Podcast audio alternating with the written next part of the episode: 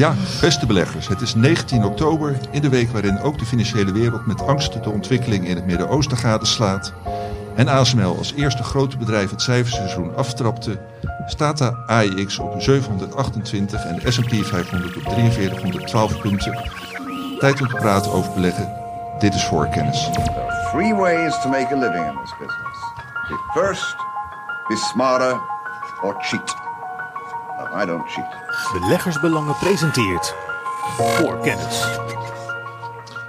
Ja, beste beleggers, leuk dat jullie weer luisteren. Ik ben Johan Brinkman, mag weer de presentator zijn. Ik zit hier met mijn collega's Michiel Pekelharing en Stefan Hendricks.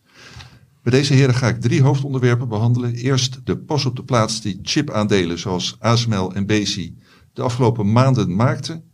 Vervolgens KPN. Welke aangename, maar- wellicht ook onaangename verrassingen staan beleggers in dit volksaandeel te wachten? Tot slot de zin en onzin van de selectiecriteria voor duurzame aandelen. Maar zoals altijd, we beginnen met terugblikken. Michiel, wat is jou afgelopen week het meeste opgevallen? Ehm, dat zijn verschillende dingen. Een van de dingen die mij opviel was dat afgelopen vrijdag de koers van Nexan opeens met 11%, 12% daalde. Dat is een Franse kabelfabrikant die ik al eh, regelmatig getipt heb. Waarom heb ik ze getipt? Zij zijn een van de weinige partijen die heel mooi die onderwaterkabels kunnen leggen vanaf de windmolenparken op zee naar land. Daar heb je maar een paar schepen die dat kunnen. Ze hebben twee van die schepen. Ze krijgen binnenkort een derde schip geleverd.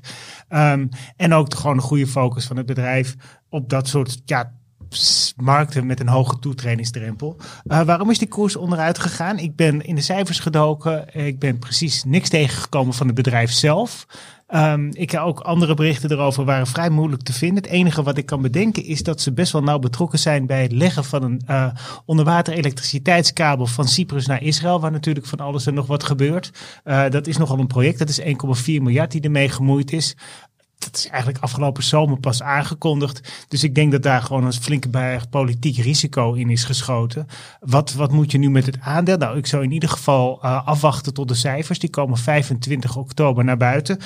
Als je gewoon kijkt naar de onderneming, die staat er gewoon nog goed voor. Winstverhouding van 12,5. Ze hebben nauwelijks schulden. Eh 3,3% dividendrendement. Dat gaat elk jaar omhoog. Dus ik zie geen enkele reden om nu in paniek te raken door deze onverwachte koersshuffle.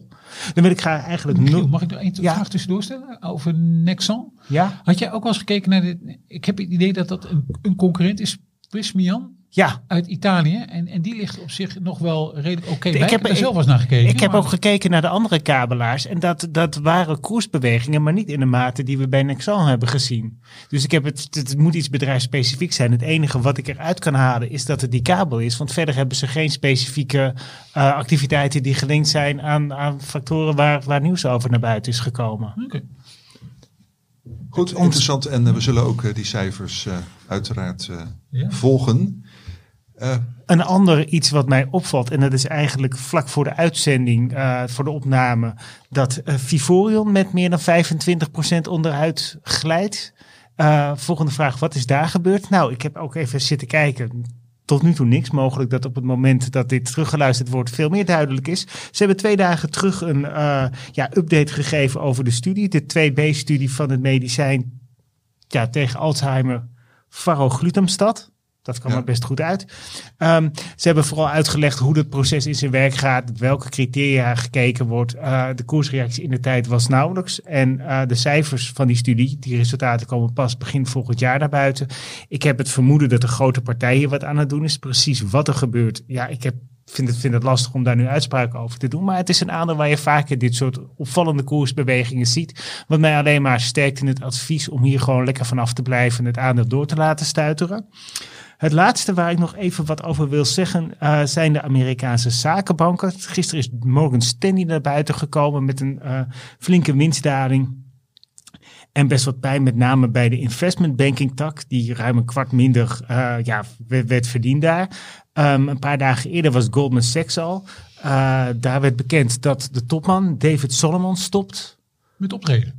Inderdaad, Hij is bekend een als- discjockey. DJ, DJ Soul? Nee, het? Diesel, DJ Diesel. Diesel. Hij treedt op in onder meer eh Szymanski in Brooklyn en andere clubs. Maar het leidde toch iets te veel af van zijn werk. Wat Hoe lang heeft hij dat eh, gedaan? Jarenlang, joh. Jarenlang. Jarenlang. Dat, eh, Ja, Ik ja. denk als resultaat in de strategie van Goldman top waren geweest, dat hij nog rustig drie jaar door had kunnen optreden. Ja en nee. In zoverre, eh, de resultaten die waren natuurlijk vrij matig. Wat voor meer investment banks geldt in het huidige klimaat. Ik bedoel, als je een beetje bang bent, dan moet je het hebben van de netto rentemarge. Het verschil tussen de rente waartegen je geld binnenkrijgt en uitleent. En die is dankzij de, eh ja, de rentesweeper die we hebben gezien best mooi. Ik denk dat Nederlandse banken ook prachtige kwartaalcijfers gaan publiceren straks. Maar eh, Goldman Sachs die moet het vooral hebben natuurlijk van zakenbankactiviteiten, beursintroducties en andere zaken. En daarvan minder mee te verdienen. Ze hebben een paar jaar terug geprobeerd een voet tussen de deur te krijgen op die consumentenmarkt. En eh, wat, wat, wat eh, Solomon heel goed doet, is gewoon al die activiteiten nu eruit doen. Ze zeggen van oké, dit is onze core business. Dan deinen we maar mee op de golven van, die, ja, van het beursklimaat. Ik vind het een fantastische beslissing. Ik, zou, ik wacht even tot de vooruitzichten voor de beurs wat beter worden. Dan zou ik het aan zo op kopen zetten als je nu naar de waardering kijkt. Ehm, ik denk dat ongeveer als je kijkt naar volgend jaar betaal je zo'n 10 keer de winst. Maar ja, dat kan natuurlijk nog alle kanten op gaan, die winst. Uh, en ze hebben het ook veel beter gedaan dan bijvoorbeeld Morgan Stanley. Omdat ze zowel met investment banking als trading, want ze handelen ook in uh, aandelen en met name uh, obligaties, gewoon net even iets meer hebben die verdiend dan vorig jaar. Wat in het huidige klimaat best sterk is. En wat ze ook zeiden, was wel een goed punt van, van Solomon. sinds, sinds Labor Day, dat is een bekende Amerikaanse feestdag, zijn vier grote bedrijven naar de beurs gekomen. Bij drie van de vier was Goldman de lead bookrunner en de derde waren ze joint lead bookrunner. Dus zij, zij zijn nog wel betrokken bij alle grote deals. En dat is de kracht van deze investment bank. Dus eigenlijk als je naar de kwartaalcijfers kijkt, JP Morgan was fantastisch. En Goldman Sachs, de focus wordt steeds beter. Dus even geduld. Ik denk dat misschien over een half jaar, een jaar, dat, het, uh, dat, ik, dat ik met een mooi koopadvies voor het aandeel kom. Ja, en als ja. uh, de CEO geen plaatje meer hoeft te draaien, dan zal het met die focus uh, zeker uh, goed komen. Ja, het was wel interessant, Michiel, want natuurlijk een tijd lang uh, was ook Morgan Stanley heel veel gevraagd. Hoor. Dat, die hebben natuurlijk ook een strategische omslag gemaakt. Niet alleen maar weer die zakenbank met die best wel cyclische activiteiten, maar dan ook die hele vermogensbeheertak, hè, de wealth ja. management uh, tak. En daar heeft toen uh, de, de, topman heel veel krediet voor gekregen en complimenten. De koers heeft ook veel beter gedaan. Was een tijd lang was natuurlijk uh, Goldman Sachs was ook echt de gold standard in, ja. die, in die wereld. Maar Morgan Stanley was op een gegeven moment eigenlijk de beter presterende van die oude ja. traditionele zakenbank. Wat er nog van over is. Hoor. Er is zo ja, dat alles opgekocht na die financiële crisis natuurlijk. Maar als je op de echt lange termijn kijkt, dan zie je wel dat Goldman veel beter presteert dan Morgan Stanley. Ik heb de grafiek natuurlijk tevoorschijn getoverd van de afgelopen twintig jaar. En dan zie je wel dat Goldman gewoon bij zijn lees moet blijven en niet allemaal andere dingen. Dit klinkt natuurlijk prachtig als je een deal sluit met Apple over betalen en sparen en andere zaken. Maar dat, dat is gewoon niet hun cup of tea. Dat moeten zij niet doen. Dat moeten ze lekker overlaten aan andere partijen. En lekker doorgaan met investment banking en uh, ja, handel in grondstoffen, in valuta's, in obligaties en aandelen. Okay. En de kosten in de hand houden. Dat is ook een, ja. niet geheel onbelangrijk in nee. deze sector. Nou, Stefan is het volgens mij helemaal met jou eens. En uh, die heeft vast ook een aantal leuke dingen waar die, uh, wat hem de afgelopen week is opgevallen. Uh, ja, natuurlijk. We hebben het kwartaalcijferseizoen is begonnen. Dus ja, her en der vliegt ze al binnen in die cijfers. gisteravond hadden we natuurlijk Netflix na beurs of 13 omhoog opvallend uh, was dat. Tesla weer wat uh, lager. En mij viel ook op um, Nokia en Ericsson. Uh, allebei ongelooflijk slecht eigenlijk. afschrijving ook nog van Ericsson al een, een week geleden op een Vonage, een overname in de VS. Als je die grafiek er dan bij pakt van net voor 99, is gewoon bij allebei 85 tot 80 procent af van die koersen ooit. Ik bedoel, Michiel en ik zijn way, way back samen, bijna samen ongeveer begonnen bij uh, beleggersbelangen. En toen waren dat echt de aandelen. De Finse beurs was ongeveer Nokia en de Zweedse beurs, nou was niet helemaal Ericsson, maar daar was Ericsson een ongelooflijk belangrijke partij. Aandelen zijn eigenlijk helemaal zich treurig eigenlijk. Dit gewoon. kader is misschien ook wel mooi om te noemen de KPN, waar jij zo meteen bij terecht komt. En die UMTS-frequenties, waar we ons toen al over hebben verbaasd hoe ze dat is hemelsnaam terug wilden gaan verdienen. Het is, het is echt, ja, de bomen tot in de hemel en uiteindelijk alles weer helemaal tot aan de grond. Ja, het is echt treurig, want Nokia uh, gaat volgens mij ook uh, 14.000 mensen uh, ontslaan. Dus het is echt, die bedrijven krimpen ook aan alle kanten. En die 5G-omzet valt uh, kennelijk tegen. Dus de klanten die toch een klein beetje op de rem trappen. Dus ja, treurig. Eigenlijk die, uh, ja. die twee. Um, dus dan misschien naar iets vrolijkers. Uh, detailhandels verkopen in de VS. Die waren beter dan verwacht. Stegen over de maand september met 0,7% ten opzichte van augustus. En 3,8% ten opzichte van september vorig jaar. En dat was uh, beter dan verwacht.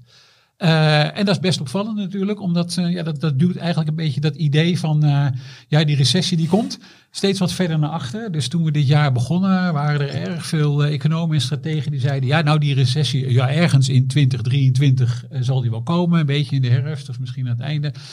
Ja, die is het dan nog niet. En ehm, we kijken natuurlijk al vaker, en dat hebben we in deze podcast ook al vaker gedaan, naar dan die Economic Surprise Index van uh, City in dit geval. Maar Bloomberg maakt er zelf ook eentje.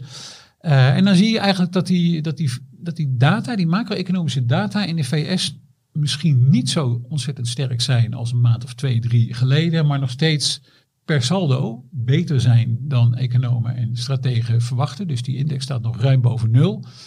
En kijk ik ook altijd even naar Europa als we dan die data hebben gehad. Ja, en dat, ja, meestal als je, dat is volgens mij de grootste reactie die denk ik beleggers krijgen als ze eh, beginnen over Europa. Dan begint iedereen te zuchten, te steunen, op zijn horloge te kijken en denken nou wanneer kunnen we weg. Ja, uh, Europa uh, per saldo uh, liggen die um, cijfers nog altijd onder verwachting. Dus die, die, die Economic Surprise Index staat nog onder de nul, staat op min 36. Dat is niet best. Maar, maar uh, er zit wel echt een flink stijgende lijn in. Uh, ten opzichte van, uh, laat maar zeggen, zo rond juni. Toen zaten we op min 150. Dus, die, dus we, we kunnen zeggen, de tweede afgeleide is positief, zeg je dan altijd. dus, dus het, ja, ik kan moeilijk zeggen dat het goed gaat in Europa. Maar die data lijken langzaam maar zeker wat beter te worden. Dat kan twee dingen betekenen natuurlijk. Of ze worden echt beter. Of die verwachtingen worden allemaal voortdurend neerwaarts aangepast. Zodat ze vanzelf wel wat beter uitpakken. Hoe kijk je trouwens aan tegen die Amerikaanse recessie? Want je, een van die mooie uitdrukkingen is altijd: when the Fed pushes the brakes, somebody goes flying through the windshield. Uh, we hebben natuurlijk wat van die banken gehad in, in de eerste jaarhelft die toch wat problemen kregen. Het kan toch niet dat je de rente van 0 naar 5 procent doet en er vervolgens niks gebeurt in de economie? Nee, dat kan ook bijna niet. Ik bedoel, we hadden ook het bericht dat volgens mij de 30-jarige hypotheekrente in de VS Ja. nu voor het eerst eh, de 8% weer heeft aangetikt sinds, wat was het, 2000? In ieder geval al lang, lang geleden. Ja, normaal gesproken zou je zeggen, gaat dat wel iets doen? Eh, natuurlijk, ja, we hebben natuurlijk ook wel gezien, denk ik, hè, her en der bij verschillende, ik kom daar straks nog even op bij de terugblik, bij verschillende consumentenbedrijven die natuurlijk wel hè, discretionaire consumentenuitgaven, zoals dat zo mooi heet. Hè, dus uitgaven die je niet per se hoeft te doen. Eh, we hebben het dan niet over voeding en drank en je- benzine voor je auto. Eh, ja, die hebben, daar heeft het een aantal paar flinke klappen gehad natuurlijk, doordat de uitgaven gewoon echt minder waren. Nou, we hebben het volgens mij in deze podcast ook al eens gehad over eh, de dollar generals, et cetera. Nou, daar, daar hakt het nog wel in, maar als je dan eigenlijk op geaggregeerd niveau kijkt, dus helemaal opgeteld, dan, ja, dan zie je het nu nog niet, die, ehm, eh, die recessie. Terwijl je wel zou denken, ja, er gaat nu ook een heleboel mis. Je ziet de, overigens de wanbetalingen in de VS wel al her en der wat oplopen. Ja, Eh, het viel me mee. De afschrijvingen bij de, dat was de stroppenpot van de Amerikaanse banken. Dat viel me nog enigszins mee. Ja, het, Maar maar het credit is- card charge-offs waren ook ja, minder dan... het eh, is natuurlijk ook wel zo. Tijdens die coronapandemie heeft iedereen een gigantische eh, reserve aangelegd. Volgens mij is- zijn Amerikaanse huishoudens daar nu ongeveer doorheen. Ja, en loongroei is misschien nog wel voor een, eh, voor een grote groep eh, in de VS redelijk oké. Dat is ook weer goed en slecht nieuws natuurlijk. Want Ja, dat betekent eigenlijk dat, ja, dat de Federal Reserve misschien nogal wat meer eh, op de rem zal moeten trappen. Nu waren er een aantal Fed officials, dacht ik, de afgelopen dagen. Die zeiden, nou ja, misschien kunnen we het nog even aankijken. Ja. Dat is niet direct de noodzaak.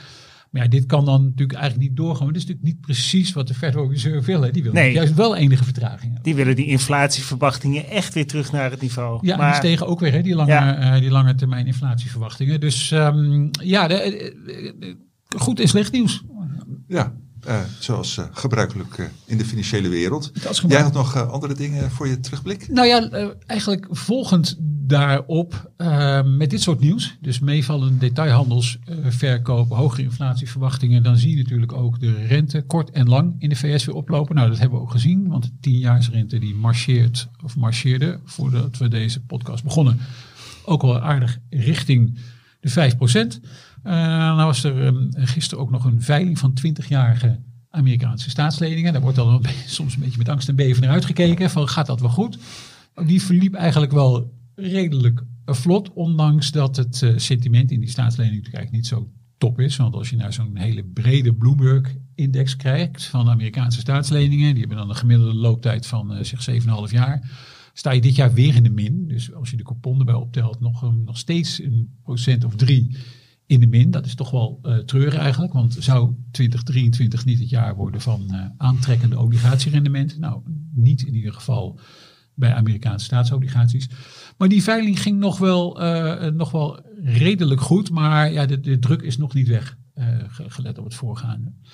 En dan nog één laatste ding, Johan, als ik mag. Jazeker. Um, we hebben het ook in deze podcast al vaker gehad over VF Corp. Hè? Een, een Amerikaanse fabrikant van kleding en schoenen. Merken als Vans in de North Face, Timberland en Kipling. Het, het is aandeel wat uh, door Menno op een gegeven moment uit zijn dividendportefeuille is gehaald. Ja, lang hè, was, was de dividend aristocrat ooit lang in de dividendportefeuille geweest. Um, nou, uh, Menno heeft het volgens mij erover gehad. Was die niet nog een keertje gehalveerd nadat hij al uit de dividendportefeuille was gegaan?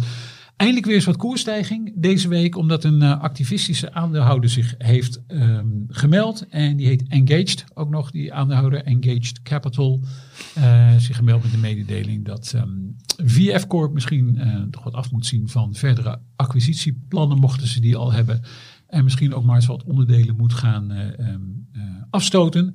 Maar eh, nou ja, het aandeel veerde de afgelopen dagen nog een procentje of 20 op. Gisteravond, uh, dat was dan woensdagavond, uh, in een slechte beurs toch ook nog wel wat hoger. Dus nou ja, misschien bodem bereikt voor VF Er zit weer wat muziek in. Dat had ik nog niet gezegd. Lijkt bodem bereikt. Oké. Stefan, wil je meteen doorpakken met wat jij deze week voor ons magazine hebt geschreven?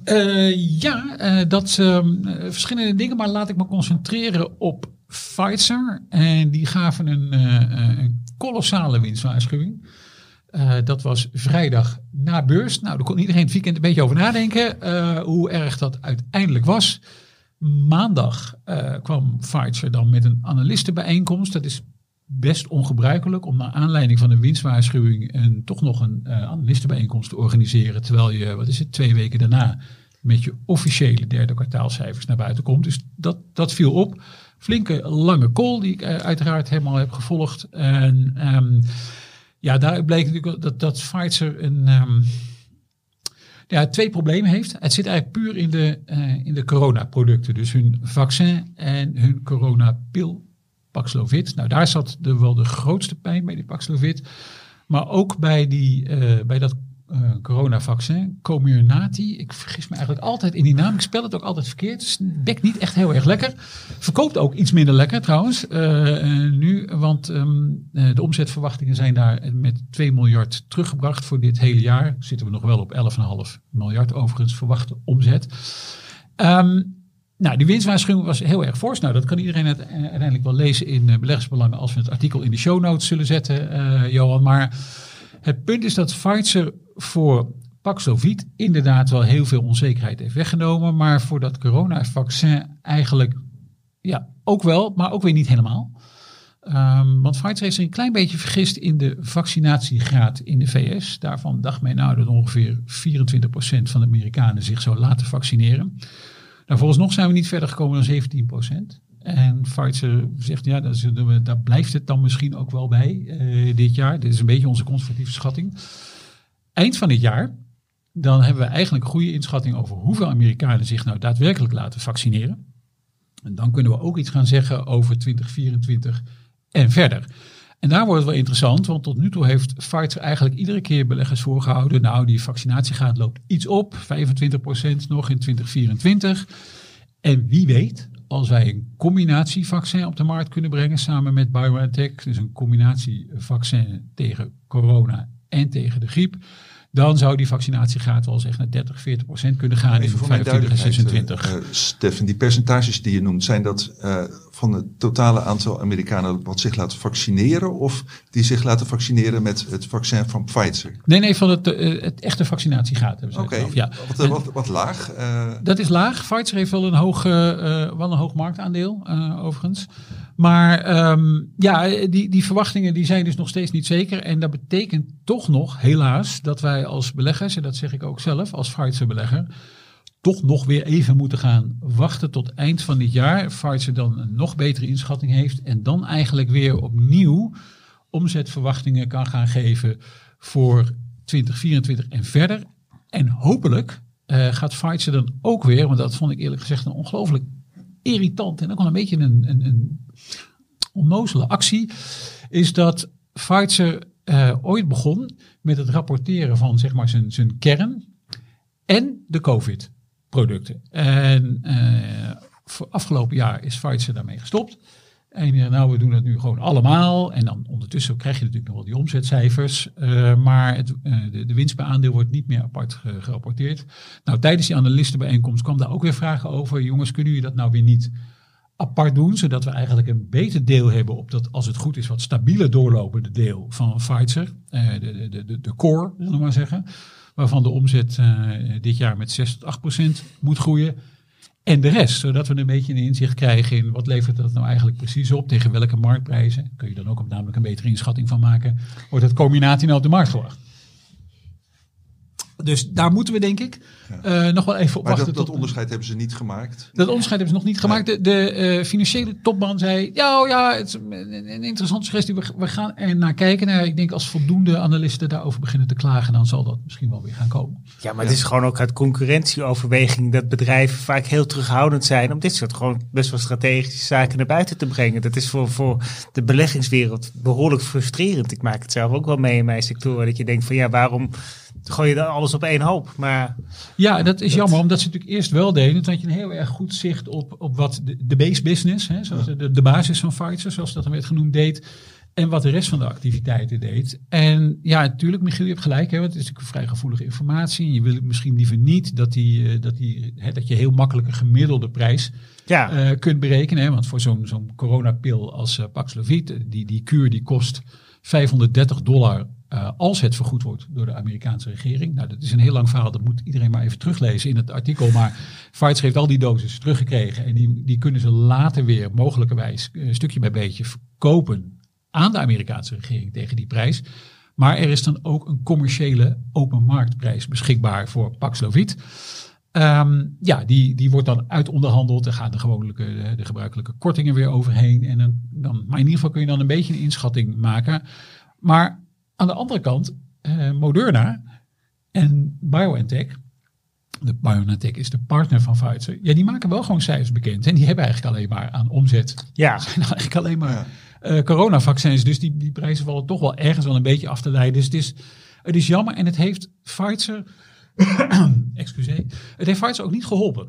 Nee. Eh, die onduidelijkheid. En het feit dat analisten daar nu, nu toch weer over beginnen. eh, om die, die, die hele cyclische en, eh, eh, en, en kennelijk ook eh, heel erg horten en stoten omzet van die coronaproducten toch een beetje weg te halen van de, de basis van Pfizer. Nou, ik hoop in ieder geval dat het bedrijf daar gevolg aan geeft. Ja, en even om dat onderwerp Pfizer af te maken. Het blijft vooralsnog in de hoogdividendportefeuille, het aandeel. Eh, ja, dat, eh, eh, dat is heel goed dat je daar nog even over begint, Johan. Heel scherp. Dankjewel, Stefan. Eh, ja, nee, ja het, dat blijft voorlopig even nog.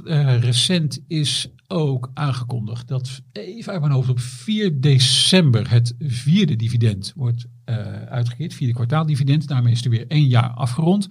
En dan krijgen we later, zo medio december, de mededeling over het dividend eh, voor het ehm, eh, komende eh, jaar. Dat wordt misschien nog wel een beetje spannend, want Pfizer keert eh 41 cent per kwartaal uit. Dus dat is eh 1,64 dollar per jaar.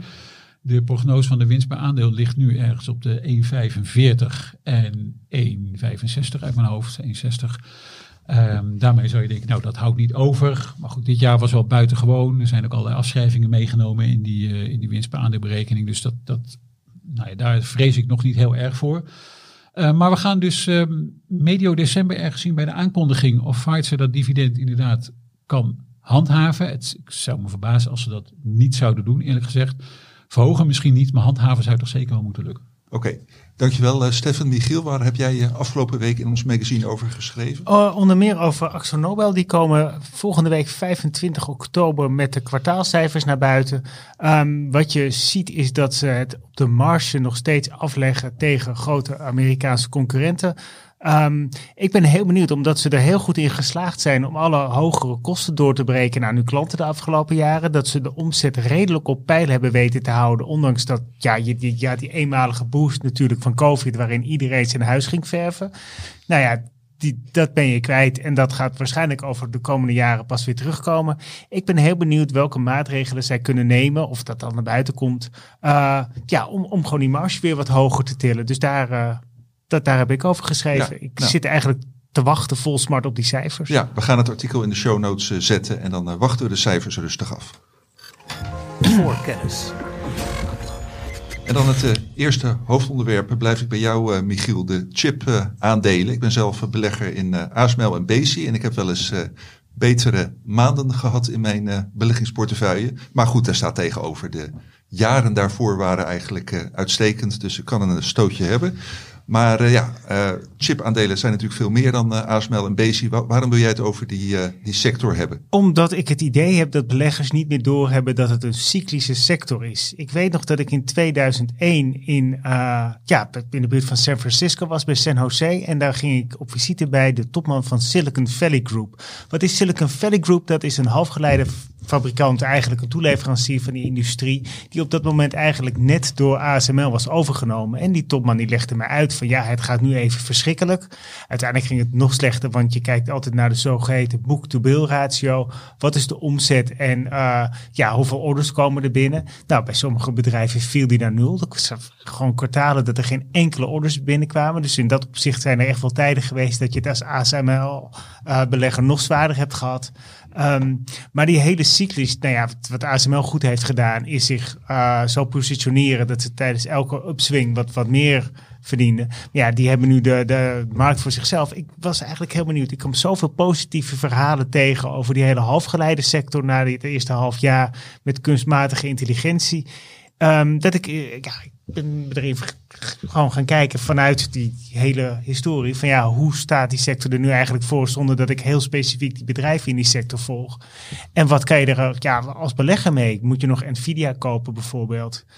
Um, ja, om te beginnen met die sector. Nou ja, het gaat uh, best, ja, Twee, twee verhalen. Als je kijkt naar ASML, de cijfers van vandaag, dan is het toch even slikken. Ze hebben prachtige winst natuurlijk, maar ze hebben 2,6 miljard aan nieuwe orders binnengekregen.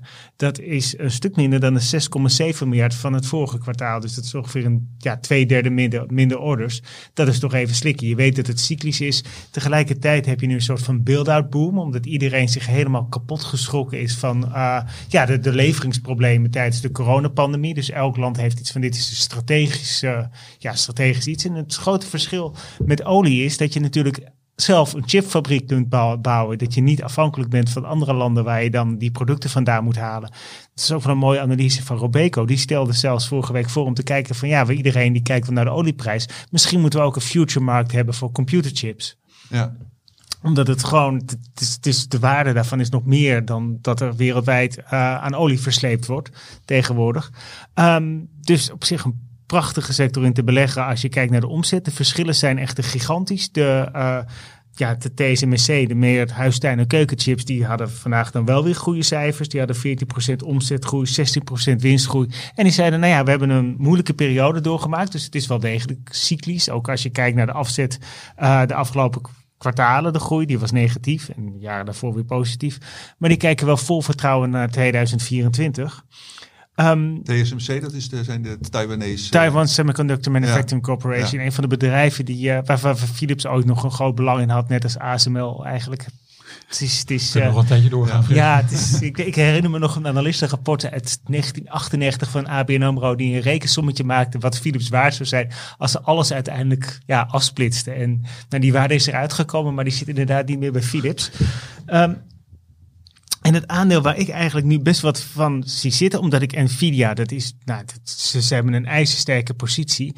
Maar heel veel partijen vinden dat niet zo leuk dat ze zo'n ijzersterke positie hebben ook op de markt voor, uh, ja, voor alle chips voor kunstmatige intelligentie.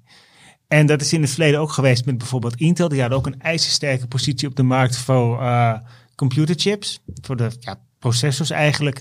En die zijn ze eigenlijk ja, binnen, binnen vijf jaar in recordtempo kwijtgeraakt. Het zijn nog wel marktleider, maar het aandeel is uh, eigenlijk van, van, van ruim 80% naar iets meer dan 60% gegaan.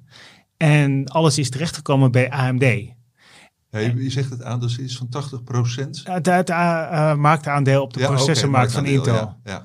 En wat heeft AMD heel slim gedaan? Ze hebben natuurlijk een prachtig platform waarop ze die chips ontwikkelen. Maar ze zijn zich er ook heel goed van bewust dat partijen, in dit geval de, de makers van laptops en PC's, een keuze willen hebben. Dus dat je niet van één partij afhankelijk wilt zijn, zoals heel veel partijen nu wel van ASML afhankelijk zijn. Maar dit, dit, dit truc gaan ze ook uithalen, denk ik, bij de, op de markt van kunstmatige intelligentie. Omdat iedereen meteen denkt aan Nvidia. Zij hebben een prachtige chip ontwikkeld, de MI300X. Ja, Met, heel even voor mijn eh, eh, begrip, Michiel, want eh, voor mij ga je wat te snel. Oké, dat Nvidia heeft dus een enorm marktaandeel in die, in die chips die Ja. handig zijn voor ja, kunstmatige intelligentie toepassingen.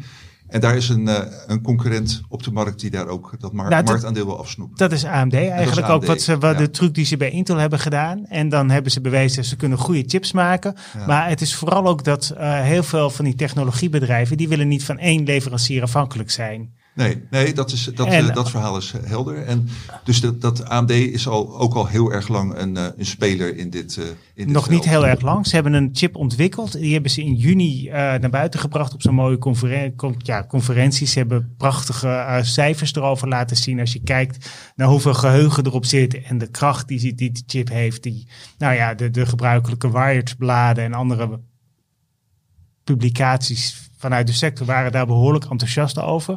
Uh, in de loop van het jaar worden de eerste gewoon modellen echt geleverd. En dan gaan we kijken in hoeverre dat echt, uh, die chip het echt op kan nemen. Maar alleen al de, de strategische relevantie om een alternatief te hebben voor Nvidia, die bovendien behoorlijk volgeboekt zijn al de komende jaren, maakt het heel interessant om een keertje naar dit aandeel te kijken. Die ja, zich eigenlijk al hebben laten zien dat ze zich in zo'n markt kunnen inboxen. Ja. En- nee, maar dat, dat doen uh, vast uh, uh, wel heel veel mensen, denk ik. Uh, Nvidia was natuurlijk de, de, de hype, uh, in ieder geval de eerste helft van, het- van het jaar. En dat Ja. loopt het door. Storten beleggers zich dan nu ook al op AMD? Of uh, zie je dat nog niet in de koers? Ja, ze staan aanzienlijk hoger, maar ze staan nog niet bijvoorbeeld zo hoog als twee jaar geleden. Dat is nog best wel een, eh, een verschil als je ziet waar ze nu staan en waar ze in de tijd stonden. En dat komt natuurlijk ook door die dip die de chipsector heeft meegemaakt. En de waardering, ja, als je kijkt naar dit jaar is het best wel Maar ja, als je kijkt naar wat, wat ze volgend jaar kunnen binnenhalen met een ja, vrije kaststroom van 5, 6 miljard, dan betaal je 25 tot 30 keer de vrije kaststroom voor een bedrijf dat de komende jaren door die cyclus heen ook nog behoorlijk kan blijven groeien. Ja. En zie jij AMD als uh, ja, zeg maar het belangrijkste bedrijf wat een alternatief wil bieden voor de... Op dit moment zeer zeker. Ja, het ontwikkelen van zo'n chip, dat moet je niet onderschatten. Daar gaat echt behoorlijk wat tijd in zitten. Vroeger waren, waren, waren het een paar transistoren die je dan ja, eigenlijk moest hebben. Ja. Um, maar tegenwoordig zitten er uh, meer dan 150 miljard van die kleine dingetjes op zo'n chip. Er zitten aparte geheugenchips bij om te voorkomen dat het ja, de informatie als het ware de chip af moet. Dus het zijn, zijn hele kleine informatiefabriekjes geworden in plaats van dat het chips waren. En dat, dat maakt het ook wel dat het gewoon behoorlijk duur wordt om het te ontwikkelen en om te produceren. En dat Ja. zijn twee, twee dingen die ze, die ze voor hebben. Ja, en, en vind jij nou dat AMD al daar zo ver genoeg mee is met die ontwikkeling dat je er nu als belegger in moet stappen? Of Ik zou de kwartaal, nog even ik, afwachten? 31 oktober maken ze de cijfers be- bekend, de derde kwartaalcijfers. En over een paar maanden komt dan de eerste informatie over of die nieuwe chip, hoe die ontvangen wordt echt door marktpartijen. Ehm, ja, als je echt wat, wat voor de fanfare uit wil lopen met het risico dat je aan de verkeerde kant zit, dan zou ik zeggen, stap nu vast in. Anders zou ik heel even wachten. Uh, gewoon om iets meer zekerheid te krijgen. Maar ik denk dat, dat ze, they're going to give Nvidia a run for their money, zoals ze dat zo mooi zeggen. En ze staan er ijzersterk voor. Ze hebben gewoon miljarden en miljarden in, in kas. Ze hebben geen schulden, per saldo schuldenvrij. Dus het is, uh, ik, vind, ik vind het een van de meest fascinerende spelers in de chipsector. Oké, uh, AMD hebben we het over Amerikaans aandeel. Stefan, jij interesseert je zeker ook voor chips. Um, wat, hoe kijk jij deze, tegen deze ontwikkeling aan? Nou, toen ik voor mijn eigen portefeuille uh, ook dacht, ja, ik moet natuurlijk ook iets in die afgeleide sector. Je kijkt ook voor je persoonlijke, je privéportefeuille naar een aantal aandelen die je zou willen hebben. Toen keek ik ook naar die producenten van die chips. Dus of het nou een Samsung is, of een TSMC, of een Intel, of een Nvidia, of een AMD, die Michiel net heeft behandeld. Misschien zat ik er helemaal naast. Voor mijn gevoel was dat wel heel erg cyclisch. Toen dacht ik, nou, ik kan het ook op een andere manier misschien doen. Trouwens, ook nog steeds redelijk cyclisch. Maar toen heb ik zelf gekozen meer voor, inderdaad voor die toeleveranciers. Dus die uh, chipmachine. chipmakers. Eh, dus ik heb in mijn eh privéportefeuille Applied Materials zitten. Als eh, zeg maar de, soort de, de standaard, hè, die in heel veel van die Ja. eh, eh, fabrieken terugkomt. En eh, het al hier vaker genoemde ook KLE. KLE, Corp. Tanker. Ja. Ja, en dat is eigenlijk, ehm, dat, dat vond ik een heel erg prettige, eh, prettig aandeel om in portefeuille te hebben. Waarom? Omdat of er nou een machine staat van eh, ASML of een, een welke andere chipmachineleverancier dan ook. De chips die geproduceerd worden, die moeten er allemaal gecontroleerd worden of ze goed zijn. Eh, want het is een ongelooflijk dure fabriek. Dus wat eruit komt eh, is ook heel veel waard. Dus dat moet ook goed gecheckt worden. Dus die chips moeten ook goed zijn. En degene die daar eh, die zogeheten procesapparatuur maakt, hè, proces controlling, dat is eh, KLE onder andere. Ze hebben daar veruit het grootste marktaandeel. Dus toen dacht ik, nou ja, als die vraag naar halfgeleiders stijgt, en ook doet hij dat misschien cyclisch, hè, dus het gaat wel met dipjes, maar we kunnen wel zeggen dat uiteindelijk die grafiek, nou, vermoed ik nog wel een tijdje, van linksonder naar rechts boven zal gaan. Al komen er wel hele grote dips. Dat is Ja. een beetje eh, onderdeel van die, eh, van die sector. Toen dacht ik, nou ja, dan kan ik misschien in zo'n beter in zo'n eh, bedrijf beleggen. Dus uiteindelijk heb ik niet gekozen voor, de, voor aandelen in makers van die chips. Maar wel in een, een, een paar van die toeleveranciers waarvan ik dacht dat dat is, Dat is houdbaar. de schepjes en emmertjes in plaats van dat je in de goudzoekers Ja, omdat ik... Maar omdat- ik, ben- ik heb, meestal zou ik het met je eens zijn. Hiermee heb ik nog wel mijn twijfels. Simpelweg omdat je nu zo'n boom ziet in al die landen die zelf hun apparatuur, eh, ja, gewoon hun chips willen maken. Of het nou Duitsland is waar de miljarden in gaat. Verenigde Staten waar ze allemaal van die fabs neerzetten. Eh, ik ben bang dat je één hele grote golf krijgt. En dat je daarna, eh, dat, dat- wat je nu ook al bij ASML ziet, dat iedereen even pas op de plaats maakt. Iedereen denkt van wat is, wat, ja, toch wel flinke prijzen. Ik, ik weet niet of dit het goede moment is om daar, daarin te zitten. Ik denk dan meer gewoon van ja, die, die, die chipgolf, de, de upswing die je dan volgend jaar gaat krijgen. Dan heb ik liever zo'n halfgeleider maken dan dat ik in zo'n toeleverancier zit. Ja, dat is, Dus nou, is interessant. is- ja, we, we ja, moeten het gaan zien. Ik, ik, ik vind niet dat je eh, eh, onzin praat. En als je dat al deed, zou ik dat zeker hier niet zo onbeleefd in de podcast tegen je zeggen. Ehm, maar een, een deel waar ik wel enigszins door gerustgesteld ben, is dat ja, het KLE verkoopt natuurlijk apparatuur, maar ook service op die Ja, apparatuur. ja, dat is de gouden formule tegenwoordig. Ja, hè, dat je het als dienst doet. Ja, en dat Chip- is toch op zich wel heel prettig. Eh, en daar komt ook steeds meer omzet vandaan. Dus het is, eh, ehm, het is sowieso, was dit al iets, terwijl Michiel aan het praten was, was ik daar al over aan het nadenken. Dat ik, dacht, voor, voor mezelf moet ik eens even gaan uitzoeken hoe die producenten van die halfgeleiders eh, zich nou verhouden iedere keer in de cyclus tot de leveranciers van die eh, chipmachines en alles wat daarmee samenhangt. En ik denk, nou, dat is in ieder geval mijn huiswerk voor eh, na deze podcast. Ja, Oké, dan hebben we al wat voor de vooruitblik wat jij eh, gaat doen. Eh, dank jullie wel. Voor kennis. Eh, nou, we hadden het net eh, al even over Nokia en Ericsson en, eh, en KPN. En nou, dat is het hoofdonderwerp waar Stefan voor gekozen heeft. Want nou, KPN, mooi, mooi bedrijf, volksaandeel ook wel wordt genoemd, zit ook in de hoogdividend portefeuille. Net als Pfizer doet het ook gewoon ja, redelijk, redelijk goed. Maar wellicht ja, wat onaangename dingen die eraan zitten te komen, Stefan. Ja, nou ja, dat, dat, dat hoop ik niet, maar dat gaan we, dat gaan we zien. En daar gaan we wellicht. wellicht, daar gaan we een klein beetje op voor sorteren. Eh, eerst hebben we natuurlijk volgende week, dat is 25 oktober, de derde kwartaalcijfers van KPN. En die zijn ongetwijfeld interessant. En daar ga ik uiteraard eh, als beheerder van de hoogdividend portefeuille ook naar kijken. Want het is een van de belangrijkere aandelen in die portefeuille. Maar ik kijk eigenlijk met nog meer belangstelling uit naar de zogeheten Capital Markets Day, de beleggersdag die KPN gaat organiseren op 7 november. Eh, en ik ben niet enig, want mij viel op eh, de laatste weken dat daar ehm, eh, ook door een, flink aantal analisten wel op vooruit wordt geblikt. En inderdaad, Johan, met een klein beetje, in het Engels zeggen ze dan apprehension, volgens mij een, lichte vorm van nervositeit.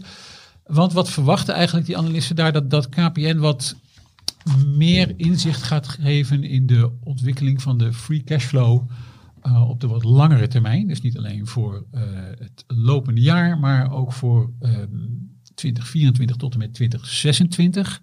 Want dat is namelijk eigenlijk de, de, nou, dat is nog de zware investeringsfase van KPN. Er moet er nog veel geld in dat glasvezelnetwerk. Ergens denk ik zo 1,2 miljard tot 1,25 miljard per jaar.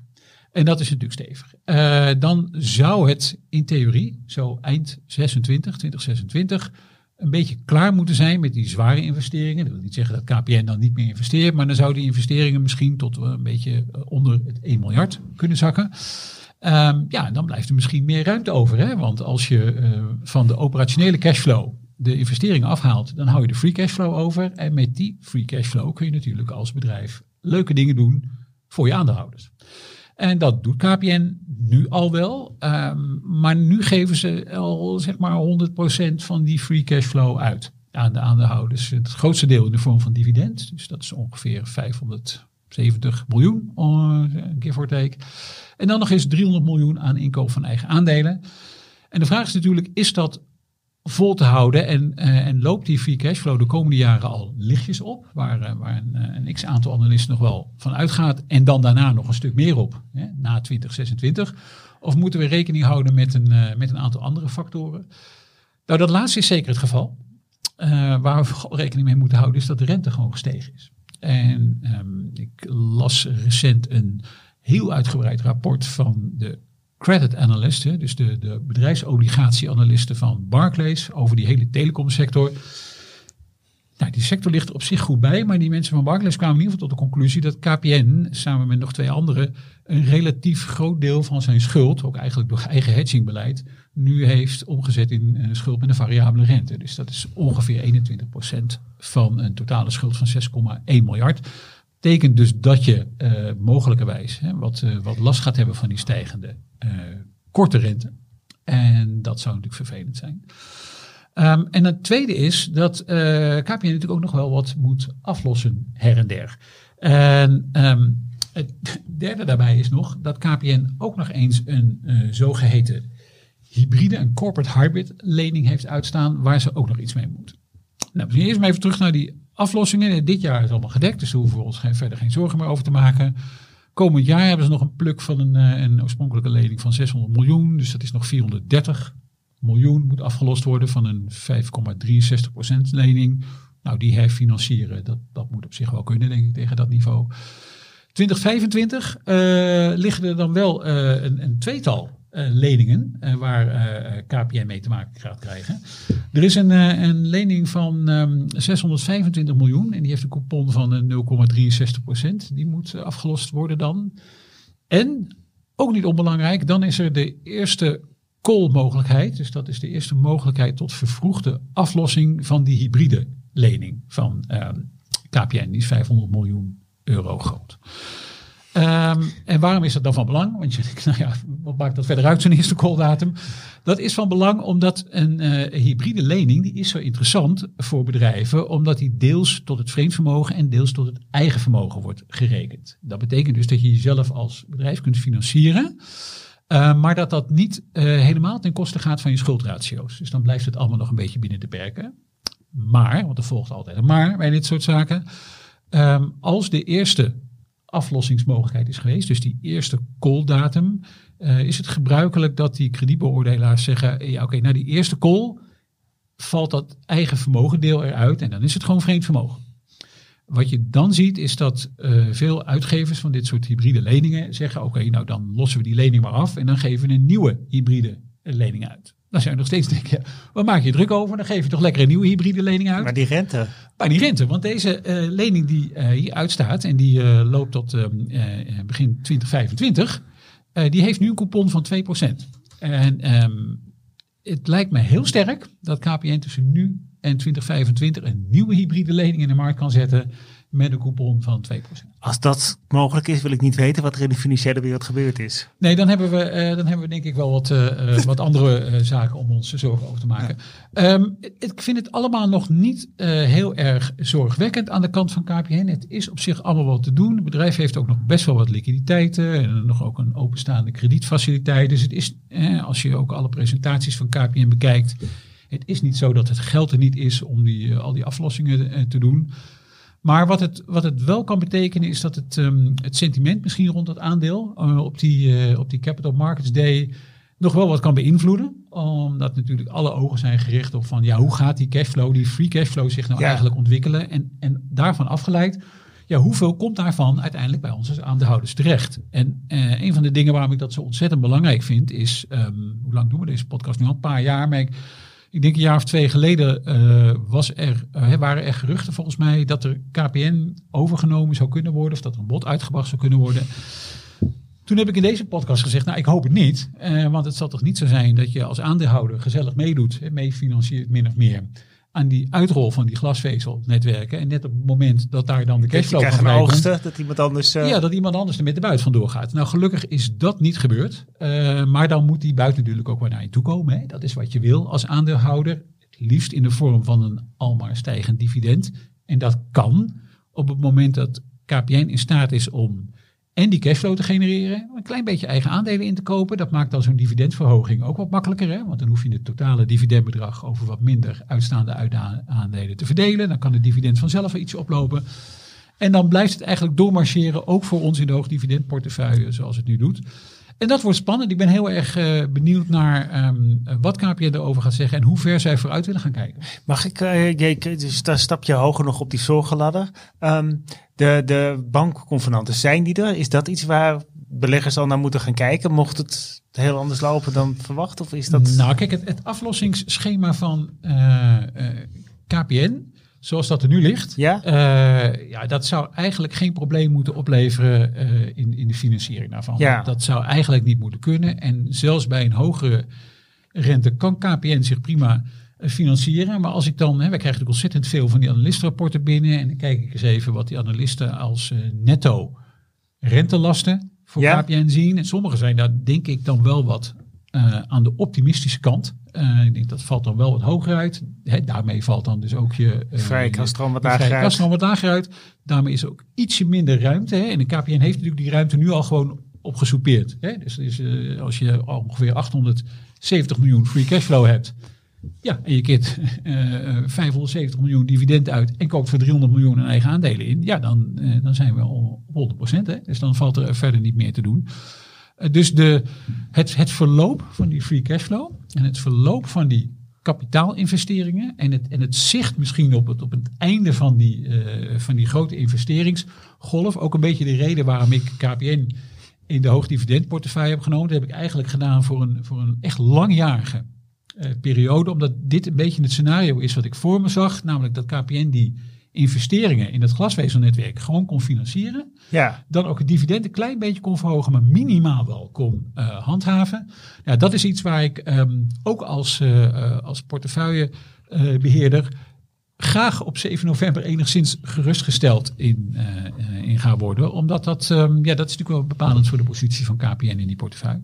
Ja, eh, dankjewel. eh, Ja, nou, misschien nog, nog één ding op de, op de achtergrond. Ehm, eh, wat ook nog speelt, is dat in maart 2024 loopt er een converteerbare obligatie af. Die is uitgegeven door America Mobiel. En, ja, hoezo dan? Nou, die, Carlos Slim. Carlos Slim. En die kan ehm, omgewisseld worden in aandelen KPN. Eh, en dan hebben we het over 16% van de uitstaande aandelen. Want het is een flinke convertible van 2,1 miljard.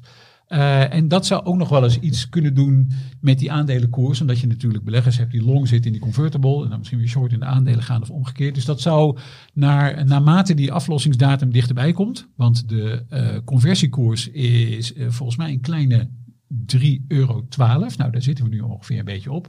Eh, dus dat wordt ook nog wel interessant hoe de koers van KPN zich de komende maanden eh, gaat ontwikkelen in verband met die convertible die dan afgelost gaat worden, al dan niet in eh, aandelen KPN. Michiel, jij noemt de naam Carlos Slim. Leg even aan de luisteraars die dat niet weten uit wie dat is en waarom dat Dat belangrijk is de eh, zeer, zeer, zeer vermogende eigenaar van America Mobiel, de Mexicaanse tegenhanger van KPN, die eh, ja, een aantal jaar geleden ook op het vinkentouw zat om KPN over te nemen. Ja. en toen had hij een heel pakket aandelen en uit mijn hoofd is het, heeft hij een belang van 18% eh, in KPN.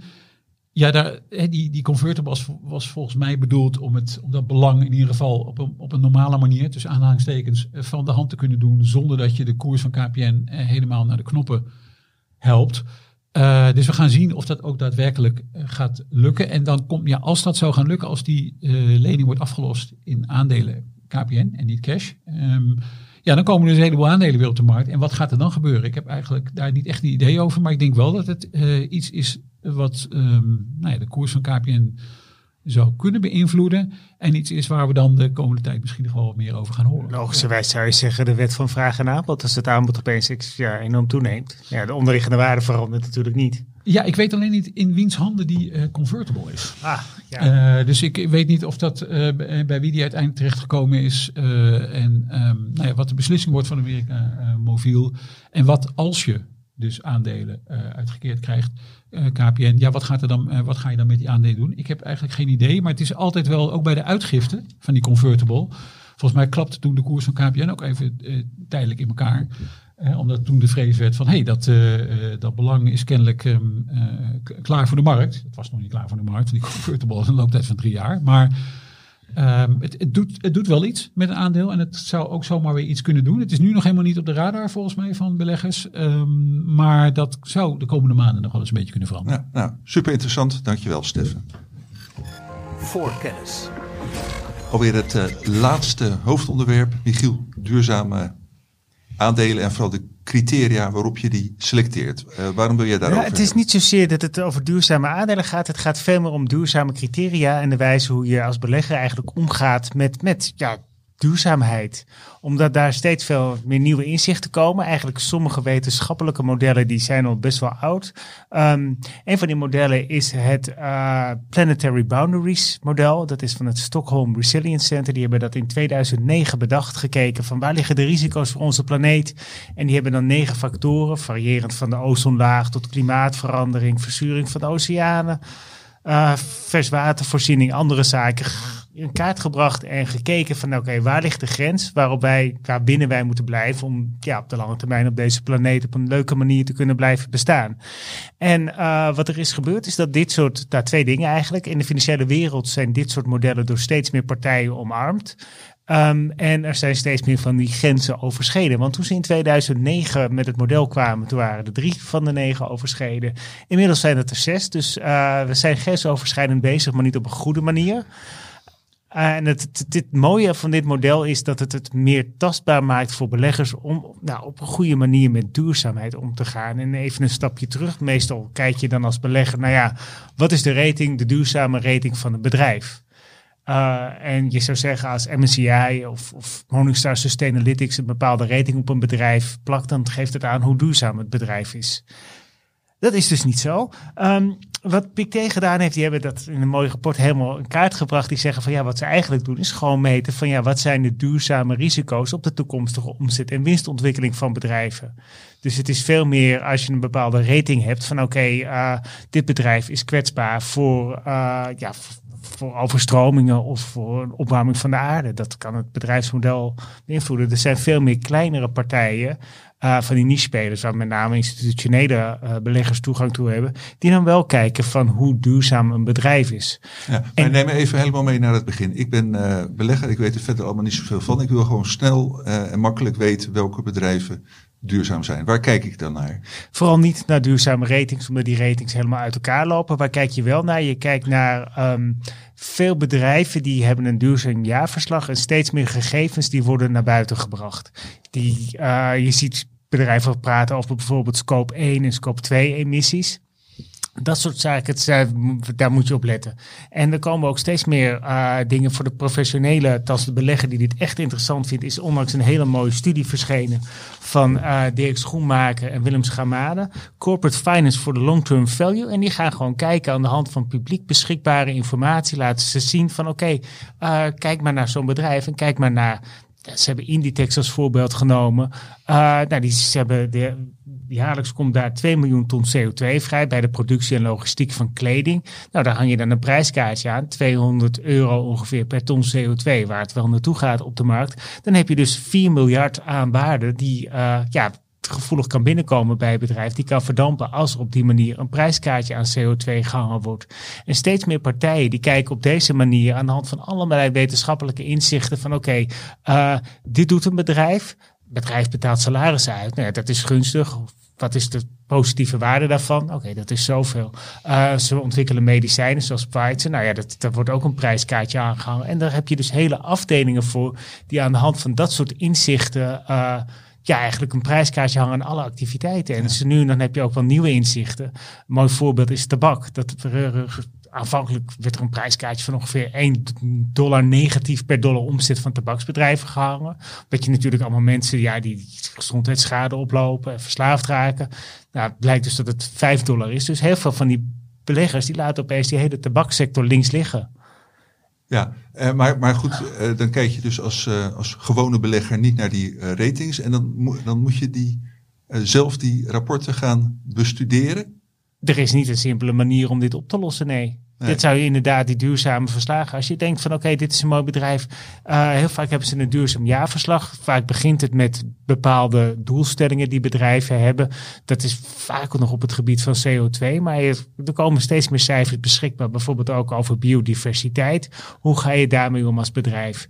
Ehm, Maar dan zijn er natuurlijk voor de financiële verslaglegging eh, ja, keiharde regels waaraan je als bedrijf moet voldoen. ja, Zijn die ook voor eh, ja, dingen die in een jaarverslag staan over duurzaamheid? nog niet. Nee. Nog dus een bedrijf kan, kan- eigenlijk eh, een beetje mooi weer spelen en eh, zeggen we scoren hartstikke goed.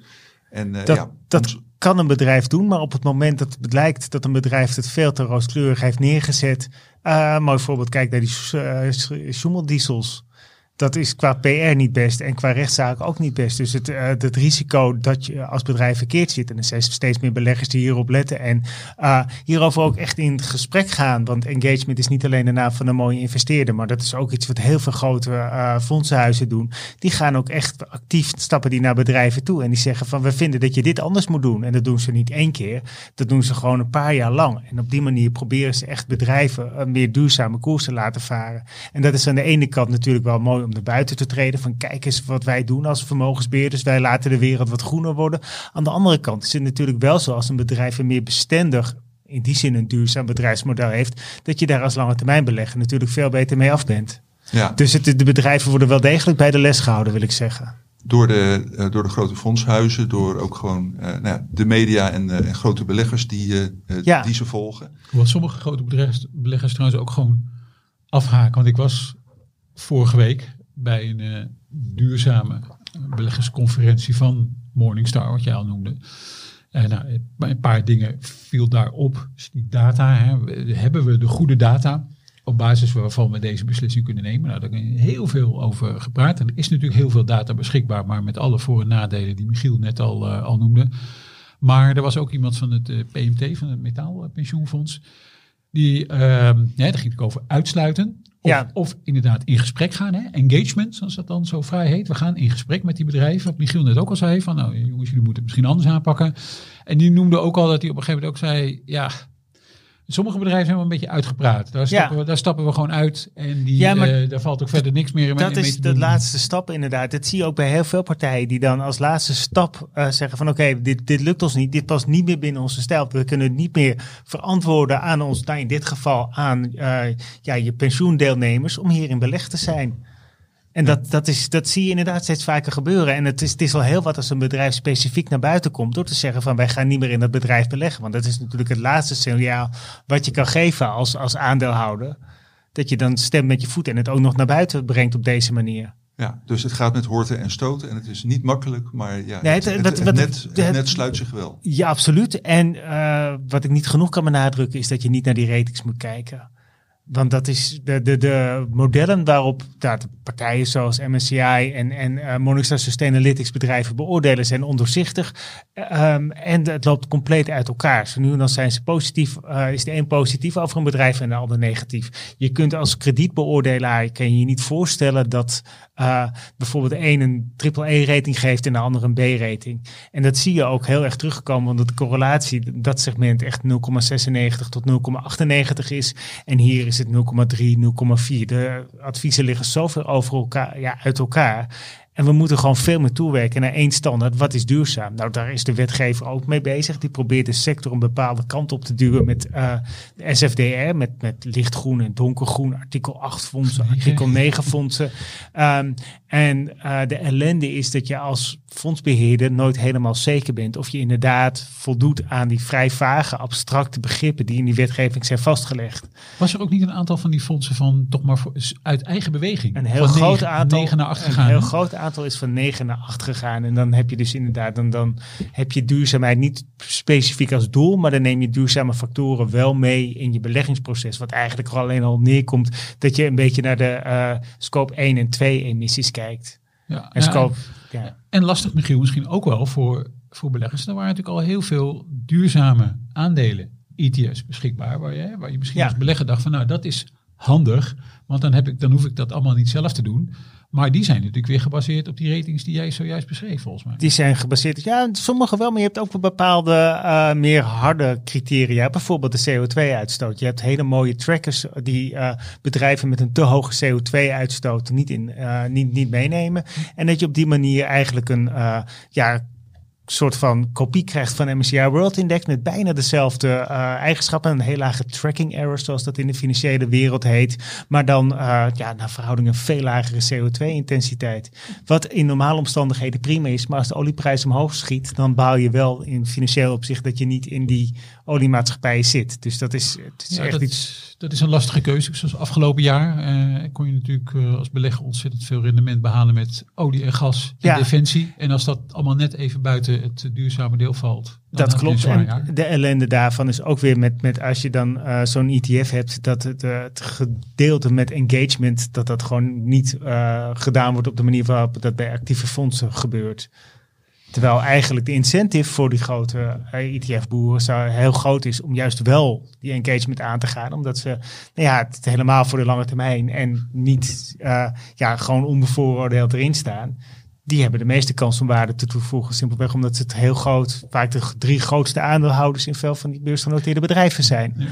En Michiel, één of twee van die interessante rapporten die jij noemt, zijn die openbaar? Kunnen we die in de show notes eh, zetten? Ik zal een link doen naar ehm, twee dingen. Je, je hebt, ik noemde het Stockholm Resilience Center naar die pla- planetaire grenzen, waar, eh, ja, waar steeds meer op gelet wordt. Dat is eigenlijk in 2017 omgebouwd tot een soort donutmodel. Daar zit ook een binnenkant in waarin ook gekeken wordt naar het welzijn van mensen. Daar zal ik ook een link van doorsturen. Eh, fondsen die op deze manier beleggen, die zijn extreem populair in bepaalde kringen. Het beste is uh, Global Environmental Opportunities. Die doen het best wel lang en best wel goed. En daar zitten echt volgens mij al 10 miljard, zo niet meer in. En die kijken dan ook echt niet alleen naar bedrijven die... ehm, waarvan de activiteiten binnen de grenzen blijven van wat onze planeet kan hebben, maar die ook helpen om andere bedrijven binnen die grenzen te houden. En dat doen ze met een financieel rendement wat niet onderdoet voor dat van de eh, wereldindex. Een link naar dat fonds zullen we ook in de show notes Ja, eh, dus zetten. die oplossingen zijn er wel degelijk. Oké, hartstikke goed.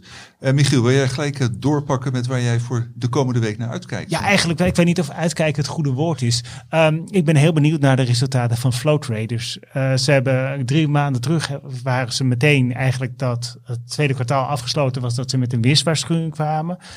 Ze hebben heel veel last van de rust eigenlijk op financiële markten. Het kabbelt wat voort. Zij verdienen geld als het heel hard gaat. Ze zitten in Amerika in een heel concurrerende markt waarvan ik me afvraag van ja, ehm, ken je niet veel beter? Want ja, ze, investeren heel veel geld nu om, om met name op de obligatiemarkt terrein te winnen. Hoe lang blijven ze dat doen? Wanneer kiezen ze ervoor om de marge te pakken in plaats van de marktaandeel te pakken? Uh, er zijn heel veel vragen waar ik eigenlijk in de aanloop naar die kwartaalcijfers mee zit. Dus ik, uh, ik weet niet of we er een paar dagen tussenuit gaan in de herfstvakantie. Maar dat is iets waar ik zeker even voor op mijn mobiele telefoon ga kijken. Oké, helder. Stefan, jij? Uh, nou ja, ik ga er een paar dagen tussenuit tijdens de herfstvakantie. Um, maar um, ik ga ook uh, zeker tijdens mijn vakantie uh, kijken naar de derde kwartaal omzetcijfers van Air Liquide. En de dag daarna, de, waar, waarvan ik persoonlijk aandeelhouder ben. En de dag daarna de derde kwartaalcijfers van branchegenoot Linde. Het zijn beide, ik vind nog steeds al, maar dat zit ik geloof ik al twintig jaar, fantastische bedrijven. Ik ga ook uitkijken, maar dat is met iets meer uh, uh, angst en beven naar de derde kwartaalcijfers van uh, ook een van de aandelen die ik zelf in portefeuille heb. Thermo Fisher Scientific, een zogeheten life sciences tools bedrijf. Um, ja, en de, en de, reden waar ik daar ietsje nerveus voor ben is Duitse branchegenoot Sartorius. Die kwam, wat was het, vorige week geloof ik alweer met de tweede winstwaarschuwing in relatief korte tijd. Komt omdat in de biotech sector er wel wat probleempjes zijn, zoals we denk ik allemaal weten met, uh, met, met funding. Dus met het geld ophalen betekent dat er wat minder testen gedaan worden. Dat is bijvoorbeeld vervelend voor een van de onderdelen van Thermo Fisher uh, PPD. Ehm, die voert klinische testen uit voor dit soort bedrijven. Maar ook nog voor andere onderdelen die gewoon hele simpele uh, reagents en al dat soort materiaal leveren aan dit soort biotech bedrijven die het nu wat moeilijker hebben. Um, en dat, is, dat zagen we al bij Lonza, een Zwitserse bedrijf. Die, nou, die noemde dat ook al als een lastige marktomstandigheid. Dat zal Thermo Fisher waarschijnlijk ook wel doen. Dus um, ik vind het nog steeds een heel mooi aandeel in een hele mooie sector. Waarvan ik zeg, nou ja, in meerdere jaren moet je het wat mij betreft echt hebben. Dus ik, heb het en ik hou het ook. Maar um, ja, woensdagmiddag ergens zal ik wel met licht gespannen denk ik even naar de cijfers gaan kijken. Oké, helder. En uh, we gaan daar natuurlijk ook weer over schrijven in, in beleggersbelangen. Uh, luisteraars, kijkers, bedankt voor het luisteren en het kijken dus. Stefan Michiel, bedankt voor jullie bijdrage weer. ruim een uur interessant beleggingsgesprek. Nou, het zal een paar keren voorbij gekomen. ook volgende week is het de herfstvakantie in bepaalde delen van het land. Betekent ook dat de redacteuren die niet op vakantie gaan, dat die wel heel erg druk bezig zijn met het magazine. En dat we deze podcast dus een week overslaan volgende week. Geen probleem. We hebben ondertussen veel meer dan 100 uh, eh, oude podcasts staan, waarvan zeker de recente nog steeds zeer interessant zijn. Mocht u die nog niet geluisterd hebben. Over twee weken zit ik hier met twee collega's die staan te popelen om weer een bijdrage te leveren. Karel Merks en Menno van Hoven. Heeft u vragen voor een van beide heren of voor allebei, mail ze naar voorkennis.beleggersbelangen.nl. Nogmaals bedankt iedereen en tot over twee weken.